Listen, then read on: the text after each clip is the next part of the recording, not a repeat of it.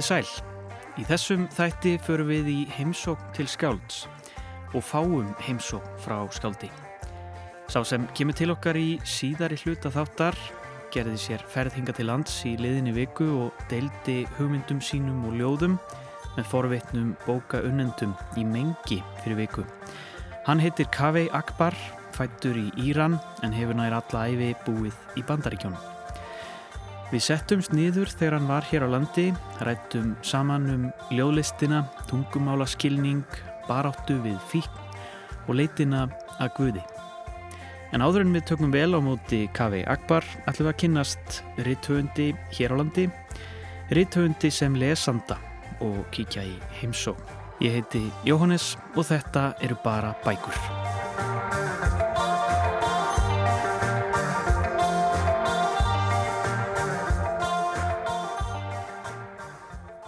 Ég er á leiðinni að hitta Sigurlín Bjarníu Gísladóttur, rittöfund, sem steg fram á bókmyndasviðið með prósaljóðabókinni Fjallvegir í Reykjavík árið 2007 og nú hafa komið út nýju bækur eftir Bjarníu, núna síðast í fyrra en það var nóvelan Solrún saga um ferðalag. Og mér langar að komast að því hvað er í bókaskápnum hjá Bjarníu, hvað er hún að lesa og svo framvegis Við skulum kíkja í kaffi. Hæ. Komast það, velkomin. Sumulegis. Takk fyrir. Góðan daginn.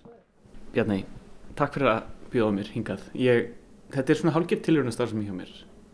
Og ég ætla kannski að byrja á því að útskýra að ég, ég er svona típan sem að fer heim til fólks í, í veislum og bóðum og svona og grúska svolítið í bókaheillunum og svona reyna að komast að því hvað fólk á og er að sína í, í hillum. Mér finnst þetta einhvern veginn já, eitthvað svona lýsandi eitthvað svona segir eitthvað um manneskjuna sem býr þar. Um, hvernig svona, þú tengir eitthvað við þetta að svona kíkja í hillur hjá fólki? Já, já, þetta er mjög skemmtilegt. Og hérna kannski rekast á bækur. Já, líka á bókasöfnum að svona ráfa um bókasöfn. Og Já, bara- finna bara í hillunum eitthvað rekast á eitthvað. Já, en það er líka mjög skemmtilegt að vera heima hjá fólki að skoða. Og í sumabústöðum þar er oft svona ótrúlegur reytingur á bókum. Já, einmitt. Sömbústæði verða svolítið svona tímahylki Já, og oft kannski bara fólki sem var í bústöðunum sem skilur eftir já, einhver, einhverja bækur. Ert þú, þú típa sem safnar, safnar bókum? Já, ég er svona eiginlega hálfgjör bókafíkill og ég er að reyna að stoppa með að vera ekki að eyða ofmiklum peningum í hana, bækur. Eymundsson er alveg áskrifandi af laununum mínum, ekki liti, og, og bónus. En, hana, en ég fer líka mikið á bókasöfn. Nota þau svolítið mikið og, og borga alveg reglulega sektir. Er bara fastakunni í, í sektunum þar. og hana, það er náttúrulega bara mín óreiða. Já, En hérna, já, mér finnst ofsalega gaman og, og ég stend mér reyndur oft að því að kaupa, ég, það hefur gæst, ég fer á bókamarkaðin, þannig sem er einu svona ári, mm og kaupi fullt af bókum og svo hef ég ekki tíma til að lesa þær. já Ég var að fjalla í síðasta þætti um afskrifaðar bækur á bókasöfnunum það er oft svona til sölu bækurnar sem eru á leiðinu út úr safninu Já. sem er náttúrulega svona fallegt en, en það er eitthvað svona ég veit ekki, ekki sorglegu tónn en það er eitthvað svona af hverju, fæ, af hverju er þessi bók að fara? Og það er oft út af því bara að enginn er að taka þær út af safninu. Já. enginn er að fá það lánaðar. En þetta er líka svona ringrósar hugsun þetta er að fara til annara því að það er einhvern veginn að henda bók það virðist oft vera rosa erfitt og óþægilegt. Já, ég er einmitt með eina sem ég var að taka úr bókaskapnum sem ég einmitt fekk svona á bókasafni Já, á 100 gall er, er, það er? hún- það er samanda svepling, ég man ekki, ég er með henni hérna, ég get hann. Um, hún er mjög spennandi, sko. Ég, mér fannst ég bara að komast að þeim. Í rauninni, já, hérna, Bjargfæri, Já, hún er hérna afskrifað.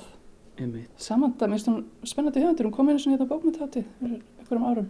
Já, Með stimpli, borgarbókasaps Reykjavíkur, þannig að einhver heldur kannski að ég hafi stólið þessu.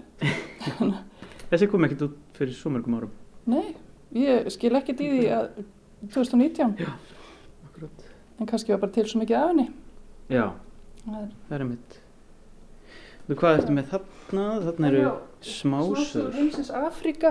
Já, Ég átti eftir að lesa þetta. Ég er nefnilega núna að kenna áfanga sem heitir Draugur og skrimsli skapandi skrif í FB, svona valanfanga.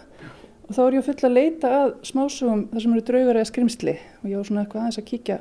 Fann allavega eina sögu hérna sem að afskurið höfuð fyrir á stjá og talar og flýgur og eitthvað svona mjög Já. skemmtilegt. Þannig að ég er svona að mér svoleiðis bókum núna. Já, ég skil. Já. Mér er svo gaman að leita bókum, bókum og efni og sögum. Er svona grúskari. Já, Já. mjög mikill. Það er í svona fortbókasölunar. Já, það er líka hættulegt fyrir mig að fara þangað. Ég finn alltaf eitthvað þar. Já, það er ein bók reyndar sem að þarna, mér langar að stela af borgarbókasandinu. En ég geti ekki gert það fyrst ég er búin að játa það núna. Ég Nei, er búin að vera með hana held ég í tvö ár. Ég, þarna, um, það er einmitt svona eitthvað fórbók. Ég verði eiginlega bara að eignast hana. Þetta eru þarna lækningar sér Þorgils Argrímssonar Já. kom út 1949 og Vilmundur Jónsson landlæknir skrifa svo ótrúlega flottan formúla og bara fer í gegnum læknisfræði Íslendinga frá bara miðöldum sko. Þetta er sem sagt, hann skrifar þetta, hann Þorkell Argrímsson, þetta er frá 17. öld, Já.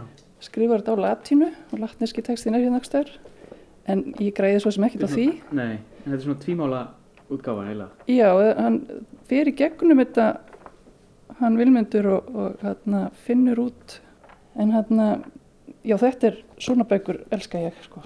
En hann að ég veist ég verði skilin að lokum ég er alveg að fara að klára hana Og hvernig lýsingar eru þetta? Er þetta lýsingar á, þú veist, aðferðum eða hvað? já hann er að, þetta er lækningabók minni mig þar sem að hann tilgreinir hann, held hann að við erum einhverja plástra veist, að- með einhverja svona Já. jörstir og, og líka bara hann er að tilgreina alla sjúklingana sína Þetta er skrásetning. já, Já. þetta er alveg svona skrásetning Já. hvað, hvað var að hrjá sjúklingarna og hvernig hann hérna, reyndi að lækna þá og já, mér finnst svona hugmyndasaga og svoleiðis og ég var nægt að kíkja í bókaskapum minn hvað er ekki að taka til í honum. Nei, áður nú kemur. Að þarna, þetta er óslega mikið held ég að sagfræði málið er sko, ég flytti í þessi íbúð það er ekki pláss fyrir bækuna mínar. Já, þannig ég ákvað bara að koma upp einum skáp þar sem eru bækuna sem ég verða að hafa hjá mér bækuna sem ég á eftir að lesa. Það er góð Já. og svo er inn í, inn í þarna, gemslu er reyndar einn skápur eða nei, ein heilla þarna, með bókum Já. og svo er bara allt í kössum. Þannig að ef mér vantar bækuna mínar sem er í kössum þá bara fer ég á bókasafni. Og þetta er náttúrulega bara allt yfir fullt bækurnar eru farnir að, þú veist, einhvern veginn hálunum með þessa, þessi er æðislegt Time Shelter eftir Georgi held Já, að sé sem fekk búkar velunin. hún er æðisleg Já. ég held að það sé vera þýðan á íslensku Hann er frá Búlgaríu. já, það, er- eru farnir að vera lesna bækur í þessu því að þetta er svo langt síðan Já. Ymmit. og þess, Robert McFarlane er svona einn af mínum uppáhalds höfundum, hann er eiginlega meira sagfræðingur Já. ég eftir að lesa þessa, hún er um undirheimana hann er með svo skemmtilega nálgun. Ég las þessa, Já. er um Eftir Robert líka. já, gönguleiðir í Breitlandi en líka leiðir sem þeir farið á sjó. Og þetta er svona skemmtileg að ég veit ekki, þetta er svona sagfræði sem er líka ljóðrann það er eitthvað heillandi við. Og hann gerði líka bók sem að ég hlustaði bara á um með mitt fjalladýrkun. Ég heldur heiti bara Mountains of the Mind. Já, já. Og þú náttúrulega með svolítið tengingu við hafið og sjómennsku. já, já, já, já, ég var í slórunu sem úlingur í fristihúsinu þannig Og þú ólst upp í Sandgerði, var það ekki? að, jú, Hvernig, mannst eftir bókahillunum þar? Já, sko pappi hann var mikill og er mikill lestrarhestur og það var svo mikið af þýðingum. Hann átti bara allan Ísak Basevik Singer og Marques og bara fullt af, fullt af höfundum og mikið þýðingar. Já. Last þú þetta? Já, eitthvað af þessu, ekki allt. Já, alveg fullt, ég fengi fullt af bókum einmitt eftir Ísak Basevik Singer frá honum. Ég man ég lesi kannski ykkur eina en ég með fullt af þeim sem ég eftir að lesa, sko. Þannig að Það er alltaf eitthvað ólesið. Já, já, já. Svo einmitt, þetta er eiginlega nýjasta kannski sem ég keft, svona dulsbyggi. Já, já. Rósakross hreyfingin og saga hennar sem er eiginlega, held, ég held hún sé forveri hérna, uh, hvað heita þér, hérna leini, sem þú mátt ekki vita hvað er að gerast á fundunum hjá þeim. Já, já, frímúrar. Frímúrar, Já. ég held að þetta sé svona undarfæri, þetta er svona alls konar tákn, tákkerfi sem að frímúrar held ég hafa líka Mm. verið með. Og svo elska ég svona bækur eins og hérna bara rústir, meaning and material in western culture, rústir bara almennt, alls konar fólk að skrifa um rústir. Þetta er hérna típist bók sem ég kaupi og set bara inn í hillu.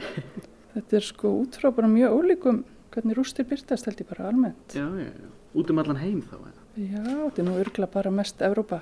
Er ekki oft þannig. Mm. Það er svona normið oft. Þú ert svolítið í svona óskálduðu efni. Er það Já, það hefur lengi verið þannig?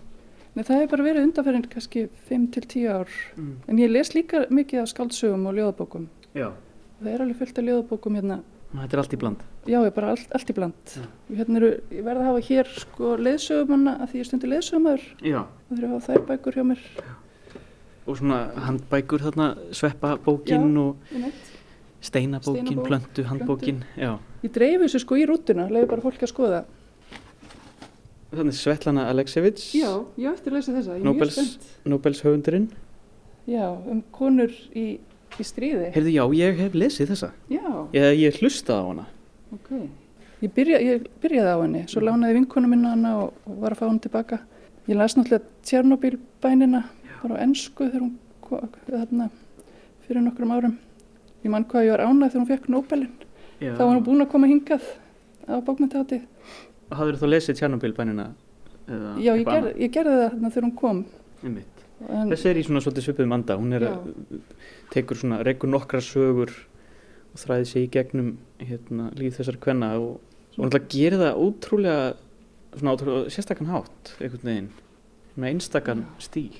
Líka kannski, er þetta ekki rannsótt sem hún er að gera í rauninni mörg ár, Jú, svo fer hún einhvern veginn og þetta er svo ótrúlega merkilegt og mikilvægt já. í rauninni sem hún er að draga þarna fram.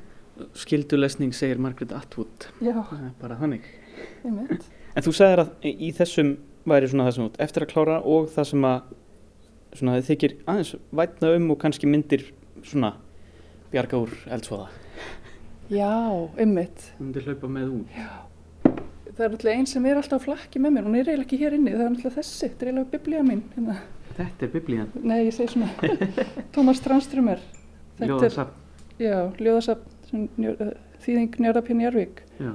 Þessi bók er algjörlega ófáanleg, ég myndi svo mikið vilja kaupa hana út í búð og gefi gjafir. Mm Hún er hvergi til, nema bara bókasöfnum. Já, þetta er uppheimar sem, sem er ekki lengur til. kom út 2013. Um mitt. Já, Tranströmer, hann er í miklu uppáhaldi hjá mér. Akkur er það? Þetta er bara svo mögnuð ljóð og þetta er svo stórt samt líka þegar maður getur alltaf rekist á eitthvað sem að- maður man ekki eftir að leysa áður. Já. Ég sín alltaf nefndum mínum rómska kvelvingar og nota þessum dæmum hérna, mentun, það sést að stekkar innra lífið. Já. Lesa það ykkur talar- línur þarna úr. Það er hérna, uh, í risavaksinu rómanskri kirkju var örtröð ferðamanna í rökkrinu. Kvelving gafti inn á kvelvingu og engin yfirsýn. Fáunar ljóstýrur flöktu. Engill án andlits faðmaði með sér og kvíslaði gegnum allan líkamann. Skammast þín ekki fyrir að vera manneskja. Vertu stoltur. Inn í þér opnast kvelving inn af kvelvingu án enda. Þú ert aldrei fullgerður og þannig á það að vera. Ég var blindur á tárum og rökklaðist út á Solbaka eða Piazza á samt Mr. og Mrs. Jones, Herra Tanaka og Signora Sabatini og inn í þeim öllum opnaðist kvelving inn af kvelvingu án enda. Þetta er náttúrulega bara svo magna, Já. magnaði texti, aldrei fullgerður. Við erum alltaf verk í vinslu. Ekki vinslu. Já, akkurat. Svo líka hérna eitt sem ég er búin að vera að kynnast og ég dýrka allt í hennu, hérna, Theodor Kalifatides. Já, einmitt, sem er grískur, eða ekki? Jú, Eða- hann flutti 26 ára til Svíþjóðar Já. og bara settist þar að og varð sænskur höfundur Já, og það kom út í fyrra bók Nýtt land fyrir utan já. og þar er hann að tala um hvernig það er að vera einflýtjandi og hér er hann að vera svona milli heima, milli heima. Og merkilegt líka að hann hefur henni náða yfirstíga þessu ósýnilegu þröskulda sem að innflytjandur glíma við. Tala nú ekki um, þú veist, allir að vera rithöfundur og vera með tungumálið. En í þessari bók er hann að tala um mömmu sína sem er hann fjörgömmul og býr í Greiklandi og þeirra samband þetta er bara eitthvað, þetta er svona sjálfsæfisögulegt en það eru líka alls konar heimsbyggi pælingar í þessu og æðislega texti Já, ég bara rauk út í búð og kefti þegar ég sá að þetta var að koma út. Er þetta þá svona efst á bögi? Er þetta efst á náttborinu hjá þér? Já. Já. Ég líka var að fá mér áskrift af Storytel, þannig að nú er, það er svo frábært með Storytel að komast við í hérna, sænskar og norskar og held, eða allavega danska bækur, þannig að ég er að hlusta Já. hann á sænsku. Einmitt. Og líka Alex Schulman, það er sænskur höfundur, ungur, sem að er í miklu uppáhaldi á mig líka. Já, ég er svolítið í svíjónum þess að dagana. Svo er líka lega síðan daginn hann Ía Genberg, hann smáadriðin. Já. Ég held að ég sé búin að lána hana. Já, sem kom út hjá Benedikt, þarna Já. litla, Hún var rosalega, hún er alveg æðisleg. Fallega fléttaður texti. Hún getur eiginlega bara að lesa oft. já. Þannig að Tómas Tranströmer væri það sem myndir, Já, það fyrsta sem þú myndir bjarga. Já, ég held ekki, myndi gera það. Akkurat. Það er hérna bara bók sem ég var að skila. Við veitum við hvað er þetta? Þetta er bara hérna, steinar, hérna, heilagir steinar, besúarsteinnin og hérna, svona frá svona gamla, gamla tíma þegar fólk var lækningasteinar og alls konar Einmitt. lausnarsteinn og, og hérna, viskusteinnin, hann er náttúrulega aðal, tengist náttúrulega alkemíu og alls konar. Já, það er svolítið um svona alkemíu, þú ert með lækningabókina Já, hérna. Ég, Það er svolítið svona miðaldir og, og svona ég er alveg með 17. öldina, bara ég með hann á heilanum. 17. öldin, já, einmitt. Svona varði ég að kaupa þessa hérna, reysubók, Ólafs Egilssonar, já. já, Tyrkjaránið, hún er á 17. öld. Já. Og ég stend mjög að því ef það er eitthvað, bara, já, nei, þetta er ekki 17. öld. Þá nenni ég ekki að lesa það. En samt, ég, ég verð alltaf að lesa líka 18. öldina því að það eru tíminn þegar þessi textar eru oft, við eigum bara þarna eftirrit, sérst í handritum. Mm Þannig, að- og svo kennst maður auðvitað 15. öldin hefur áhrif á 16. Maður getur ekki alveg einangrað aldirnar svona. Já, nei, akkurat. Hvað er að við innan tíma sem að heillar svona? Ég held að sé að því að þarna, við erum ekki komið með raukvísi eh, sko, þarna, upplýsingarinnar. Mm. Upplýsingin er byrjuð en hún er svona blanda, einhvern veginn blandast trúnni, sérstaklega kristinni trú í vestrænum heimi. Sko. Þannig að menn er að reyna að sko, sanna syndaflóðið með einhverjum vísindalegum aðferðum. Mm. En syndaflóðið er staðrind veist, og nógu var til Já, og, hérna, og það var að reyna að velta því fyrir sér vísindalega af hverju hann varð svona gamall ég man ekki að hann var eitthvað 300 ára gamall eða eitthvað Já. þannig að það er einhvern veginn skemmtileg svona blanda hann minnst hún svo áhuga- áhugaverð Já. af því okkur finnst þetta í dag svo mikið bull í rauninni þetta er svona þessi, þessi mi- millitími. Já, veginn. já. Akkurat. það er alveg, og ég ekki bara, Loka skapnum bara? Já.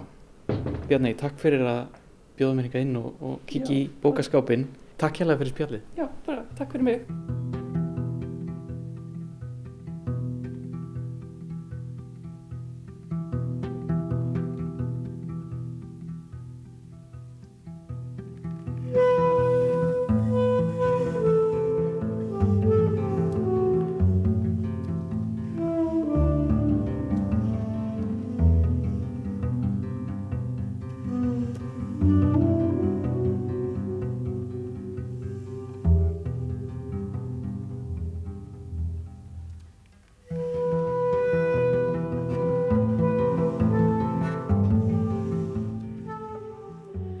ætlum hér næst að fá skáldlega heimsókn í þáttinn.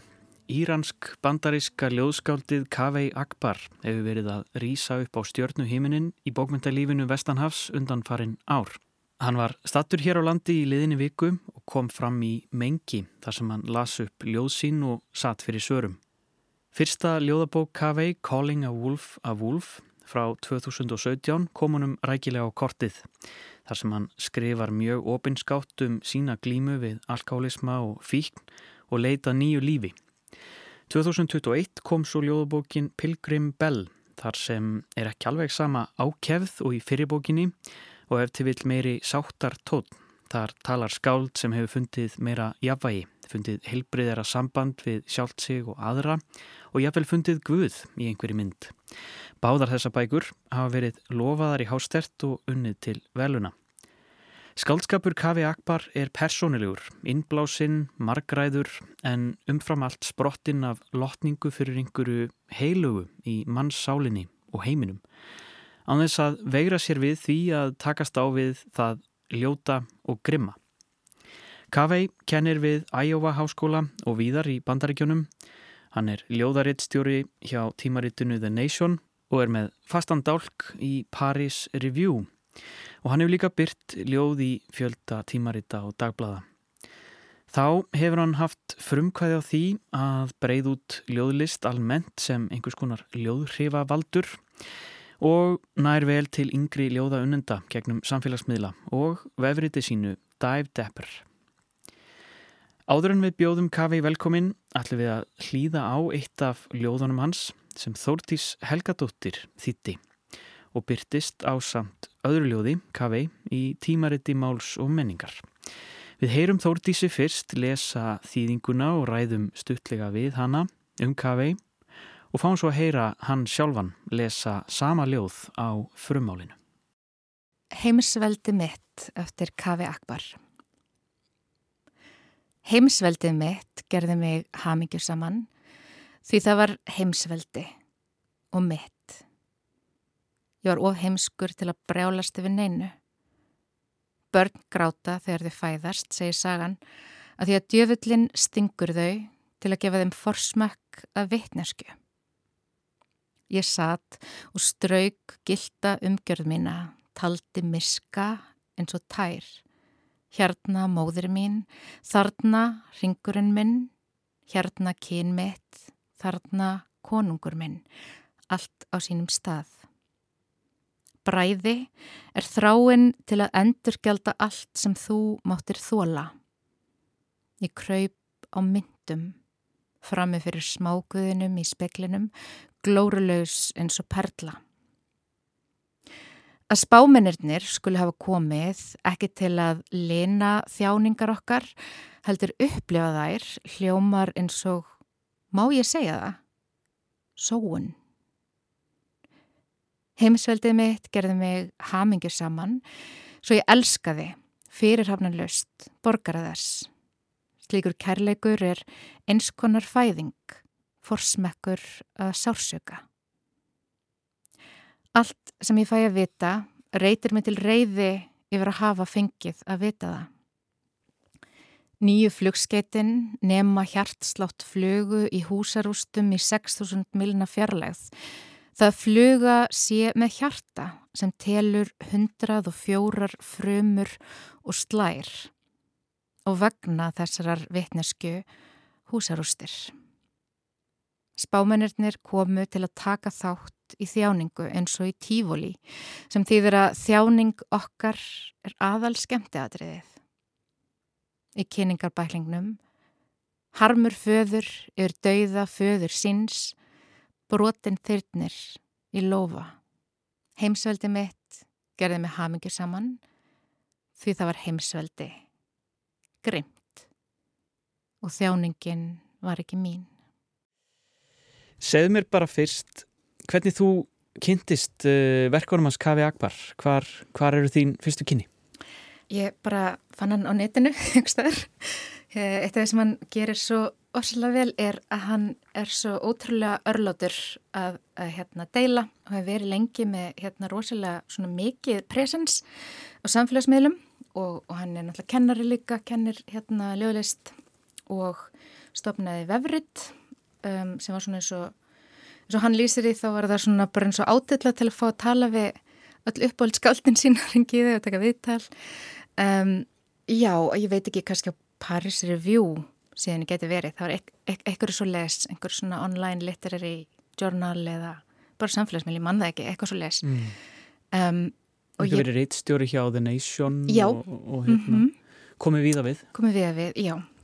Þannig að ég svona, já, það var eitthvað börs og hérna, og svo bara fór ég að lesa og, og hérna, las allt sem ég komst í og pantaði sér bækurnar og bara dolfallin. og það endaði með því að við semst fengum hann til að koma. Ég mitt. Eh, er svona misaðgengileg ljóðinans og fyrsta sem greip mig heitir Það spretta orkitegur upp úr golffélunum svolítið svona óvennilegt kannski höfundaverkinu. Það er hérna óslulega einfalt, ótrúlega fallegt ljóð sem ég síðan um, tók upp hjá Sálimir bara þýða að því mér langaði svo að flytja það á svona ljóðakvöldi þar sem ég var að koma fram og hérna og gerði það. Uh, og síðan tók alveg svolítið tíma. Þetta er bækur sem ég les aftur og aftur að því að mér finnst þær eh, einhvern veginn launamanni en hann endur tekna lestur svo mikið og maður finnur alltaf einhvern veginn meira og meira. Já, þannig að ég held maður að segja Pilgrim Böll var sannleikin svo komin þegar ég pantaði uh, þá fyrri. Og það, já, hún er allt öðruvísi sko, hún er hérna þessi, þessi Calling Wolf of Wolf er skrifið svo beint upp úr þessari glímu við fíknina og að vera svona sóper í fyrsta skipti og, og eru ótrúlega mikla svona hráar, sterkar, intens tilfinningar. Mm -hmm. Pilgrim Bell er svona kannski yfirvegari um, eru báðar rosalega eitthvað neginn svona ná slettum að það er svo mikið spiritual, það er, það er eitthvað svona opaslut tenging við svona hið andlega og, andlega og svona eitthvað neginn heiku viðdómlega án þess að séu sko eitthvað stopnarnabundin trúabröð bara eitthvað neginn svona hugsun veist, um bænina og tungumálið og mm. eitthvað neginn bara já, tenginguna að vera manniska og eitthvað neginn snertingu það er eitthvað sem að ég upplifu svo óbærslega stert í hans verkum það er eitthvað svona snerting eitthvað neginn svona við bara svona stundum á maður svona augnablík þar sem maður er einhvern veginn alveg tær og bara svona upplifir heiminn einhvern veginn beint og, og fólk er að leita eftir sín núðitend og eitthvað svona mm. og mér finnst einhvern veginn að hann sé einhvern svona hann hakka sig inn í þetta og næri einhvern veginn þessu mómenti aftur og aftur frá ólíkum áttum Já. það er eitthvað galdur í þessu sem að hrýfur mig My empire My empire made me happy because it was an empire and mine I was too stupid to rage at anything.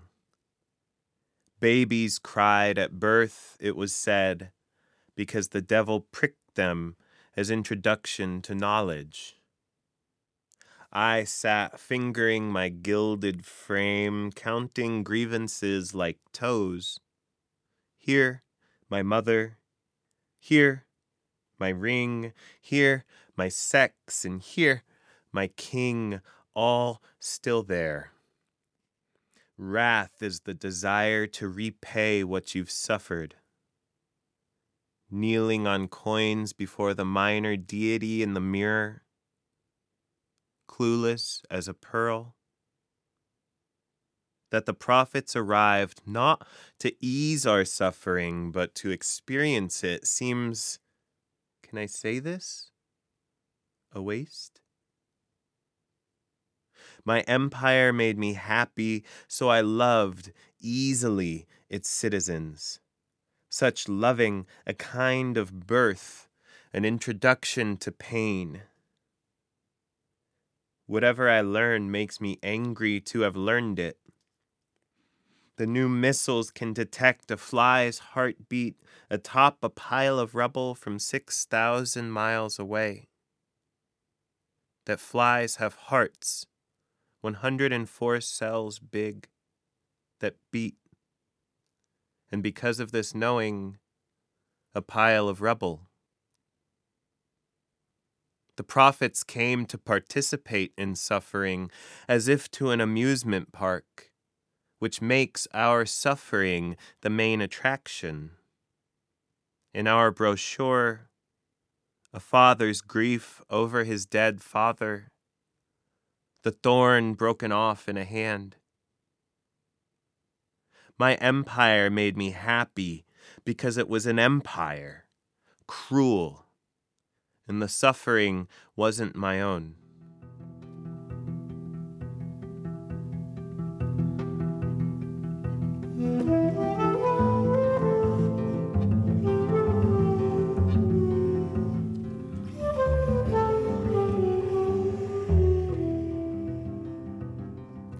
Þegar ég settist niður með Kavi Akbar byrja hann á því að segja mér frá sínum fyrstu kinnum, fyrstu snertingu við ljóð og skáldskap og hann saði mér að móðurmál sitt væri farsi, hann hafi fæðst í Íran en þegar maður lítill flutta hann á svona fjölskyldu til bandaríkjana og enska varð hans annað mál. Í gegnum árin voru bænastundir fjölskyldunar á arabísku sem var hans þriðja mál en þau hefðu geta beðið á málinu. Þegar Kavei hugsaður um allra fyrstu hugmynd sína um ljóðlist, frum ljóðlistina, það eru bænastundirnar á arabísku, þar sem hann læði á minnið hljóð á þess að vita merkinguna. Það þarf ekki djúpan skilning á hverju ljóði, hverju orði.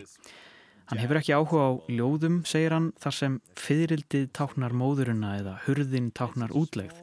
Ljóð eru ekki gáta, segir hann. Og eitt af ljóðunum í nýjasta verki hans, Pilgrim Bell, vísar í lestur og kraftaverkið læsi. Yes, yes. So in Islam, the sort of precipitating miracle, the revelation of the Quran to the Prophet Muhammad, um, the story goes that he was alone and fasting in a cave, and the angel Gabriel, Jibril, comes to him and says, Read, right? And he, like most people of his time, like most people in most times in humanity's history, was illiterate. The vast majority of the human tribe throughout history has been illiterate, right? Um, and so Kavei vísar hér í kveikjuna af því sem síðar urðu trúabröð Íslam. Söguna af Múhameð spámanni þegar hann dvaldi í helli og fastaði. Engillin Gabriel kom til hans og skipaði honum að lesa. Múhameð eins og flest sem uppi voru á hans tímum eða á nokkrum öðrum tímum í mannkinsögunni var ólæs. Múhameð svara þessu auðvitað ég geta ekki og Gabriel endurtekur sig, lestu. Og spámaðurinn veit ekki hvað hann á til bræðs að taka. Gabriel segir þá lestu í nafni föður þíns sem skapaði þig og Gabriel faðmar hann að sér og kristir úr honum allan Eva eins og Kavi komst að orði. Og allt í einu getur spámaðurinn lesið og skrifað og þetta, segir Kavi, er kraftaverkið í kóraninum sem kemur öll af stað og nafn ljóðsins hans vísar í. Þessi hugmynd hafði mikil áhrif á Kavi, mann orðsins. Hann segist án þess þó að bera saman kraftaverk á nokkun hátt, heitlast meira af kraftaverkinu læsi en kraftaverkinu um meifæðinguna í kristni. Og fyrir einhvert sem er alin upp sem múslimi er þetta heitlandi.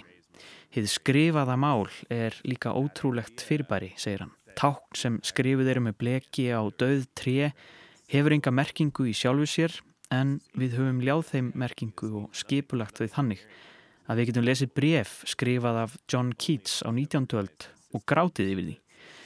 Það getur dreyið fram líkamleg viðbröð eins og gráta eða hlæja. Ef ég les bók eftir Dorothy Parker, segir Kaveh, og hlæ upphátt í einrúmi, er einhver frumstæð stöð í heilanum sem hrópar upp já, þessi er hluti af mínum hópi. Hún er hér og ég tengi við þessi tákn. Það er galdurinn í lífi Kaveh.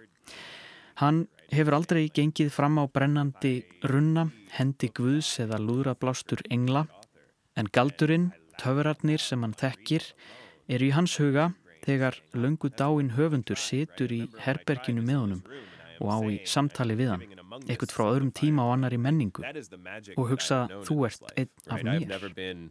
The beneficiary of a burning bush or, you know, a, a, a, a hand from the sky or an angel's trumpet. You know, like the, the magic that I have known in this world is my lizard brain thinking that uh, someone who's been dead for hundreds of years is sitting in the room with me, you know, and, and, and speaking to me and my lizard brain saying, I see you and I respond to you, you know, and, and saying you are of my tribe, even if it's someone who was from a completely different time in the world, from a completely different culture, right? My my my brain beneath all my knowing is saying, You are one of me.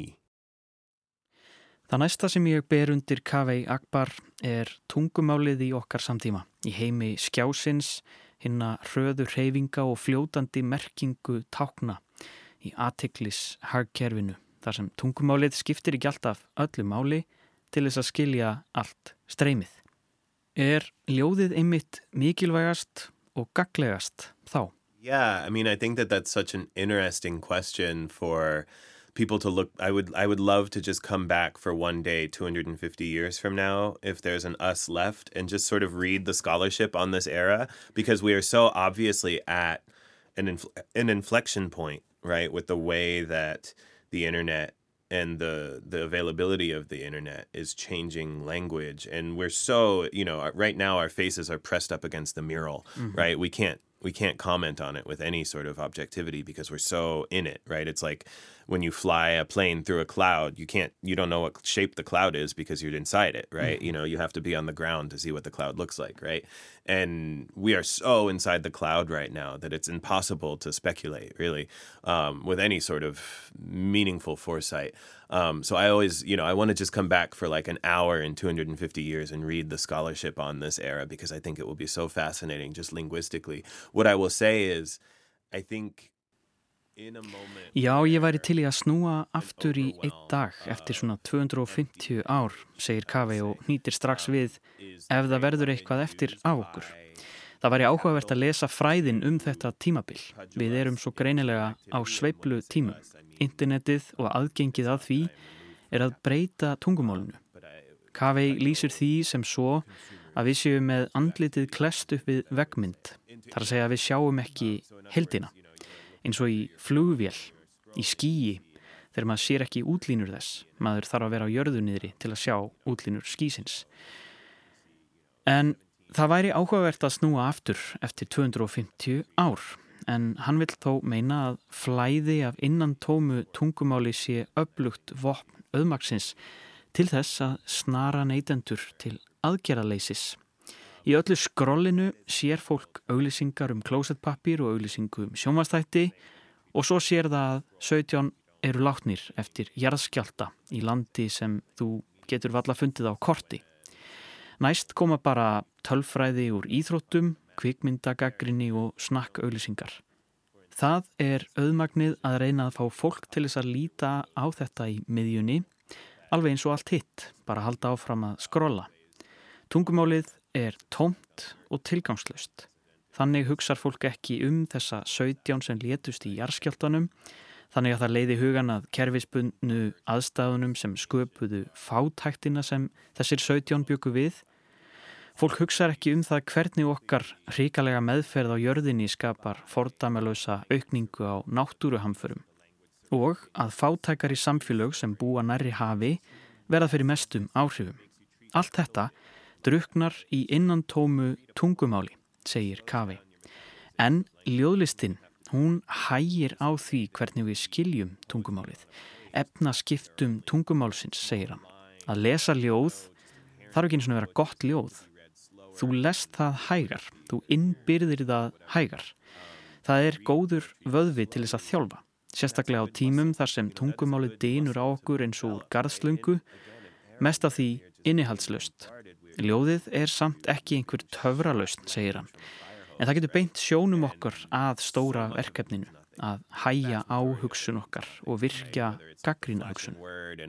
In a bright, you know, fluorescent advertisement like flashing at us on our phone or whatever, so much of the language that we encounter means absolutely nothing, right? So to encounter slow moving, thoughtful, you know, condensed language, I think is a, incredible sort of psycho spiritual political antidote. I'm not saying uh, exclusively, you know, you can't read a poem and say, well, my work is done, yeah. you know, but the poem points you towards the work, mm-hmm. right? The poem the poem prepares your mind to receive that news story and be a little bit more critical in your thinking about the the conditions that conspired to create it.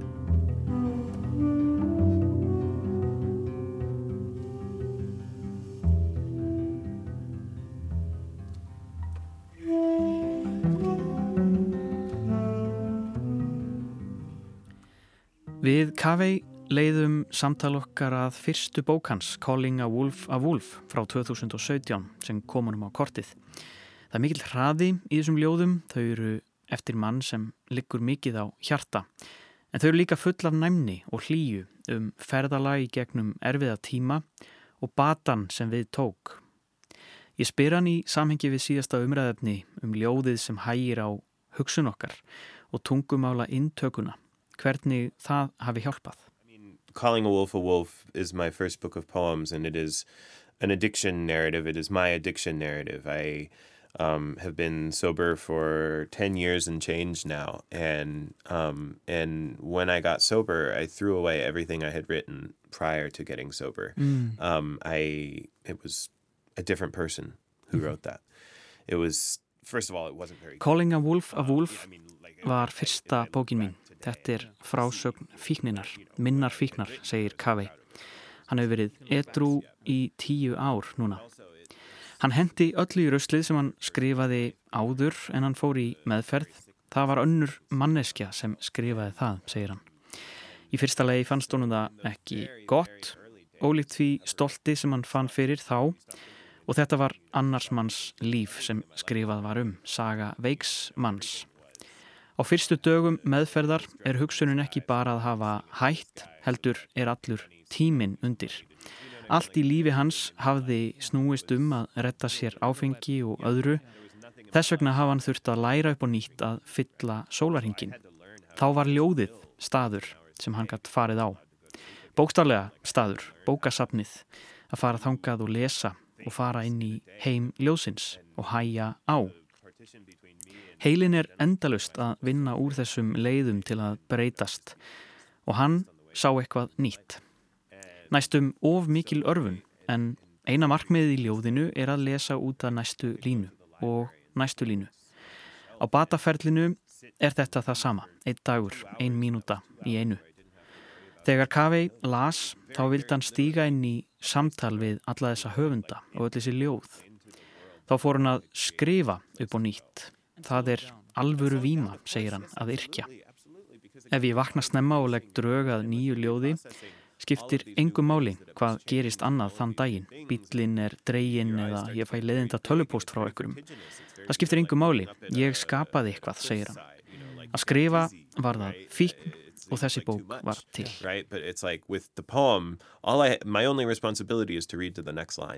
Right, but it's like with the poem, all I my only responsibility is to read to the next line. Right, you know, there's there's nothing like all I ever have to worry about moment to moment is read to the next line, Mm. and then read to the next line, and then, and and if you do that for 18 hours, you're allowed to go to sleep, and then you've survived another day, you know, and and then the next day will be a little bit easier, and you know, in the in the idiom of recovery, you say one day at a time, right? But for me, it was so much like one moment at a time, one line at a time, one Mm. minute at a time, right? And um, and of course, when you when I was reading so much, then I started wanting to talk back to the people that I was reading, right? You know, uh, there's this conversation that has been going on for millennia among poets, and I wanted to whisper into it, right? So I started writing poems, and they sounded completely new, completely different, completely strange to me, and that was thrilling. You know, I Mm. could writing that gets you high. You know, you are a writer, you know this. Like I got that was and still is the most potent narcotic still available to me. Um, and and you know, it's the sort of thing where if I wake up early and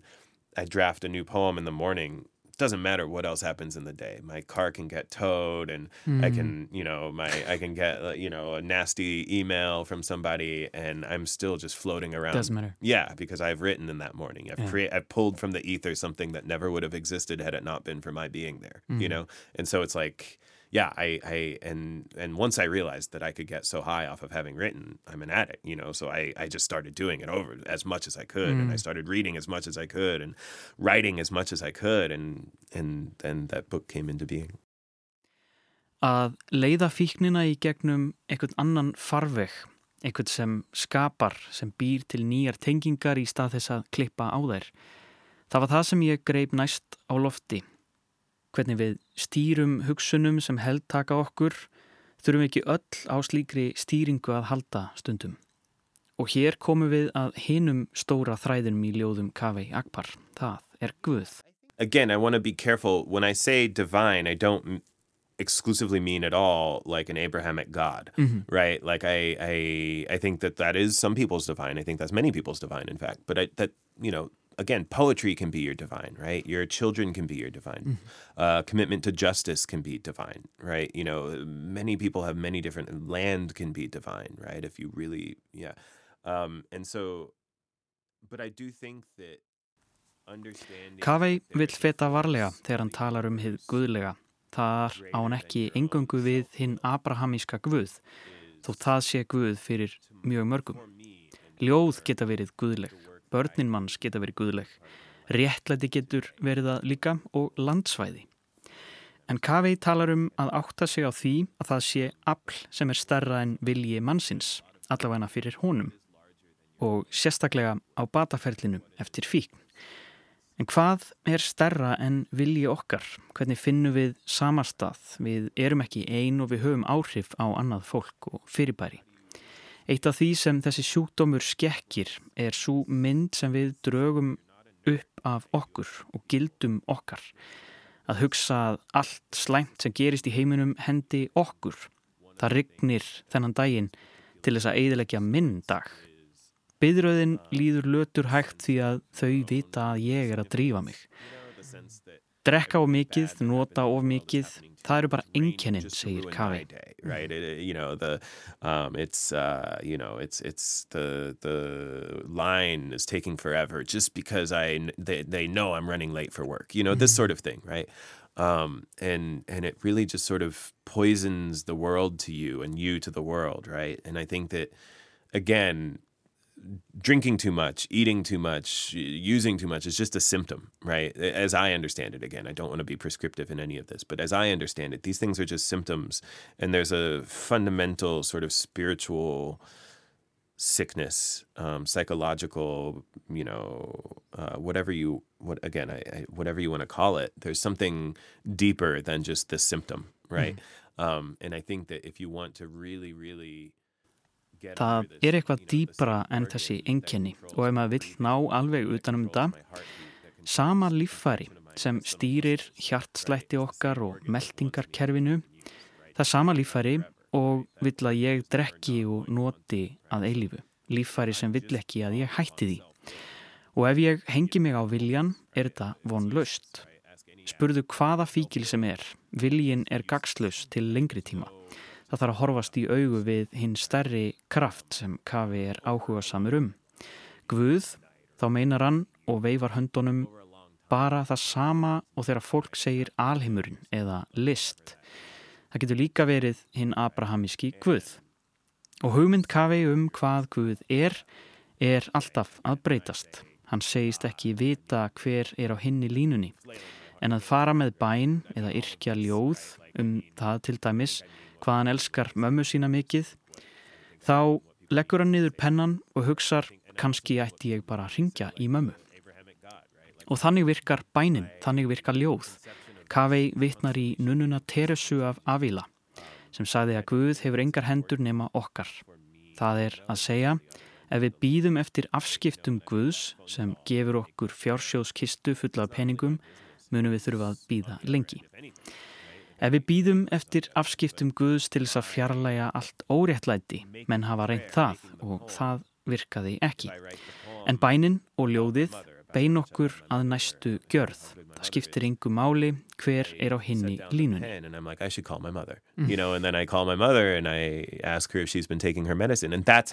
works, right? That's how poems work, right? Teresa of Avila said, uh, God has no hands but ours.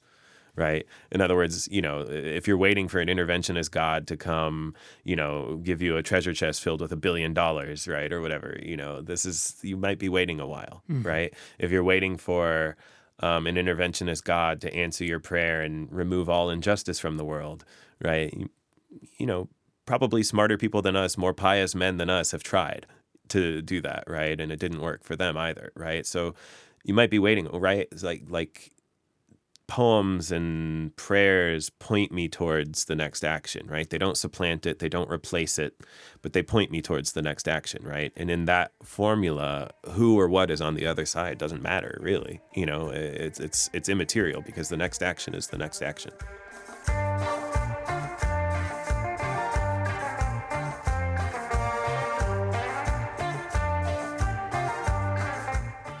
Við ljúkum þessu aðtiklisverða samtali við Kavei Akbar hér í krafti ljóðsins og bæninar. Það eru þunn skil þarna á milli, segir hann, þessara krafta sem beinunum í áttað næstu gjörð til þess að tengjast heiminum, tengjast öðrum. Fyrir áhugasöm er skáltsaga á leiðinni eftir Kavei sem kallast Martyr og er væntalega í byrjun næsta árs. En við ætlum að setja punktinn við þáttinn í dag. Við spyrjum ekki hver er á hinni línunni en ljóði stendur og við þökkum Kavi Akbar kærlega fyrir að deila með okkur. Bara bækur snúa aftur eftir viku en hlustendur geta sendt spurningar og aðtöðasemtir á netfang þáttarins bara bækur hjá rúf.is og fylgst með mér, bara Jói, á Goodreads þar sem ég reyni að deila mínum lestri og hugleðingum í apnóðum. Ég heiti Jóhannes, takk fyrir að hlusta.